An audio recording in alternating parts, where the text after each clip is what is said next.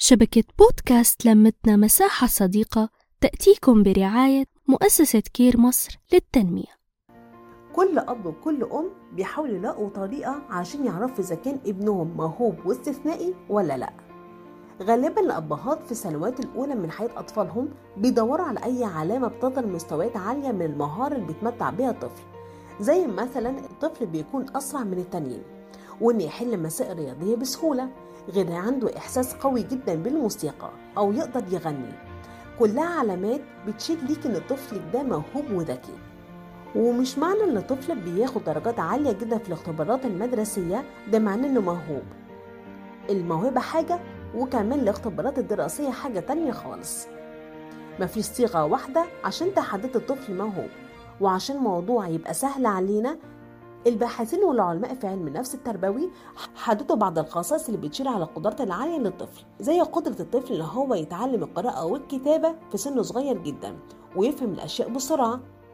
إن يكون عنده قوة الملاحظة والفضول والميول اللي هو طرح الأسئلة عنده القدرة على التفكير التجريدي وكمان بيظهر علامات الإبداع.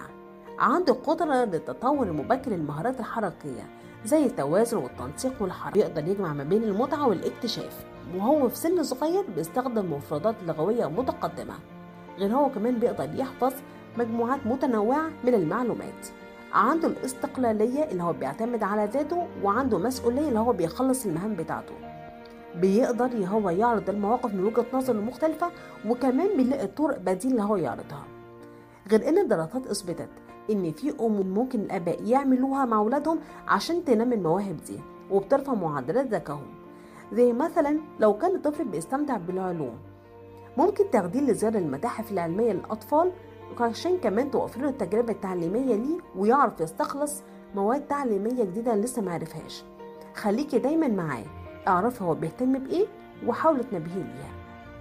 وفري ليه مواد عشان يمارس اللعب بتاعه بشكل إبداعي.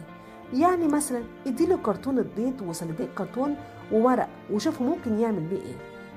غير إن كمان مهارة الطفل بتبان لما يبقى قاعد مع ناس زيه بتشوف ردود فعله عاملة إزاي. حاجات بسيطة جدا ممكن تكتشفي منها إن طفلك ذكي واستثنائي ولا لأ. نحكي نتشارك نتواصل.